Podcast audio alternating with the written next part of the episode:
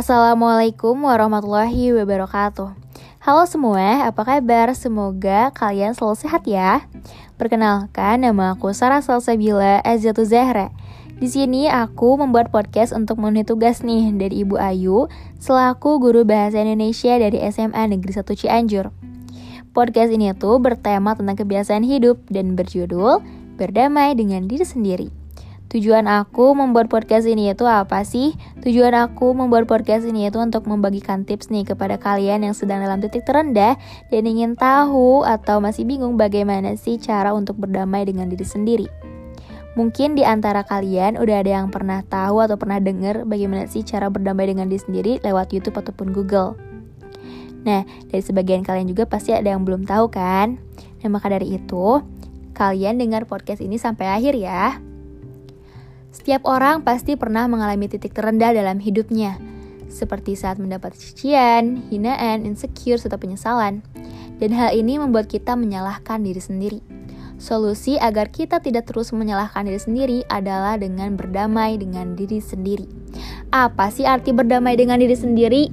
Berdamai dengan diri sendiri itu adalah suatu keadaan di mana kita dapat menerima semua hal yang telah terjadi pada diri kita, baik di kehidupan yang lalu atau dalam bentuk fisik hingga luka psikologis. Menerima semua hal yang telah terjadi pada diri kita memanglah sulit dilewati dan juga sulit memang untuk mengakui apa yang menjadi kelemahan dan juga kekurangan dalam diri kita. Berdamai dengan diri sendiri itu tentu bukanlah hal yang mudah juga untuk dilewati apabila kita tidak siap untuk melakukannya. Namun, jika dibiarkan, hal ini dapat berdampak negatif loh kepada kita dan menghalangi kita mendapatkan kebahagiaan. Berikut tips agar kita bisa berdamai dengan diri sendiri. Yang pertama, percayalah pada diri sendiri.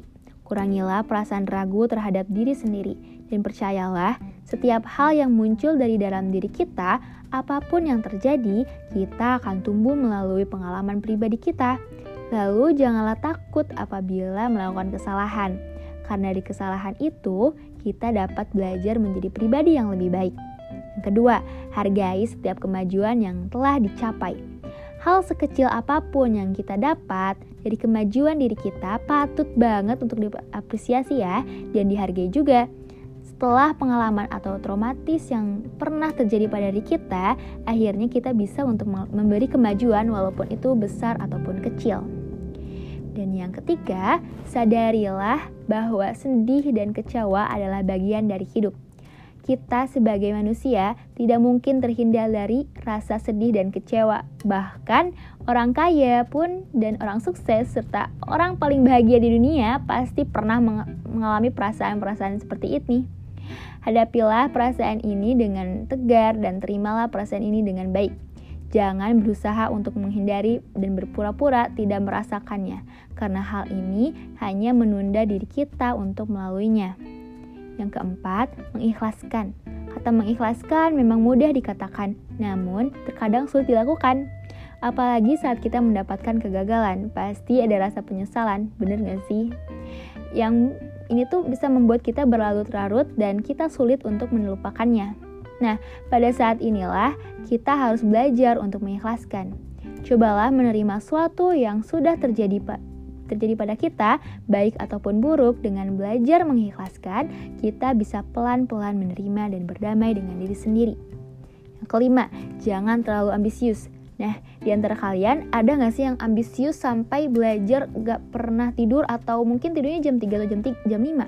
Nah, ambisius itu memanglah baik ya dan bagus, namun jangan terlalu terlalu berlebihan dan jangan terlalu keras pada diri kita sendiri hingga lupa untuk beristirahat karena hal ini tuh bisa menyakiti diri kita apalagi jika kita tidak bisa meraih apa yang telah kita usahakan. Nah, ingat kenali kapasitas dan kemampuan kita dan sesuaikan keinginan kita terhadap kedua hal tersebut ya. Dan yang terakhir adalah berserah diri dan mendekati diri kepada Tuhan.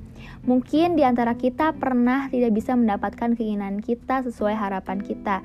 Contohnya seperti masuk universitas yang diimpin, diimpikan, pekerjaan yang diinginkan, dan mendapatkan nilai yang memuaskan, dan lain sebagainya. Maka janganlah terlalu menyalahkan diri sendiri untuk hal-hal tersebut. Kita dapat berusaha menerima dan sabar serta ikhlas.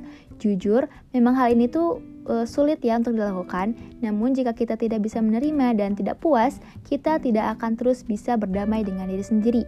Berusahalah untuk berserah dan mendekati diri kepada Tuhan, karena sejatinya Tuhan lebih mengetahui segala sesuatu yang terbaik untuk kita.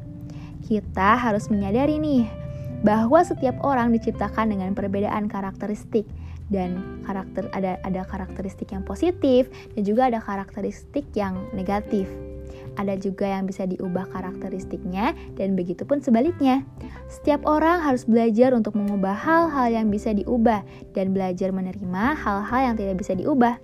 Serta kita harus yakin Tuhan tidak pernah salah dalam menciptakan apa pun. Kita diciptakan oleh Tuhan untuk untuk suatu tujuan, pandanglah diri kita secara seimbang. Jangan menganggap diri kita lebih tinggi, karena akan membuat kita sombong. Dan jangan pula melihat diri kita lebih rendah. Nah, gimana? Udah dapat poin dari podcast yang aku sampaikan belum? Nah, semoga bisa membantu ya kali ke kepada kalian yang ingin tahu nih bagaimana cara uh, untuk berdamai dengan diri sendiri.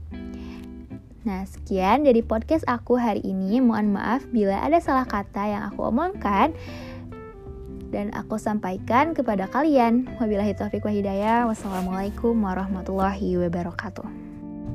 thank you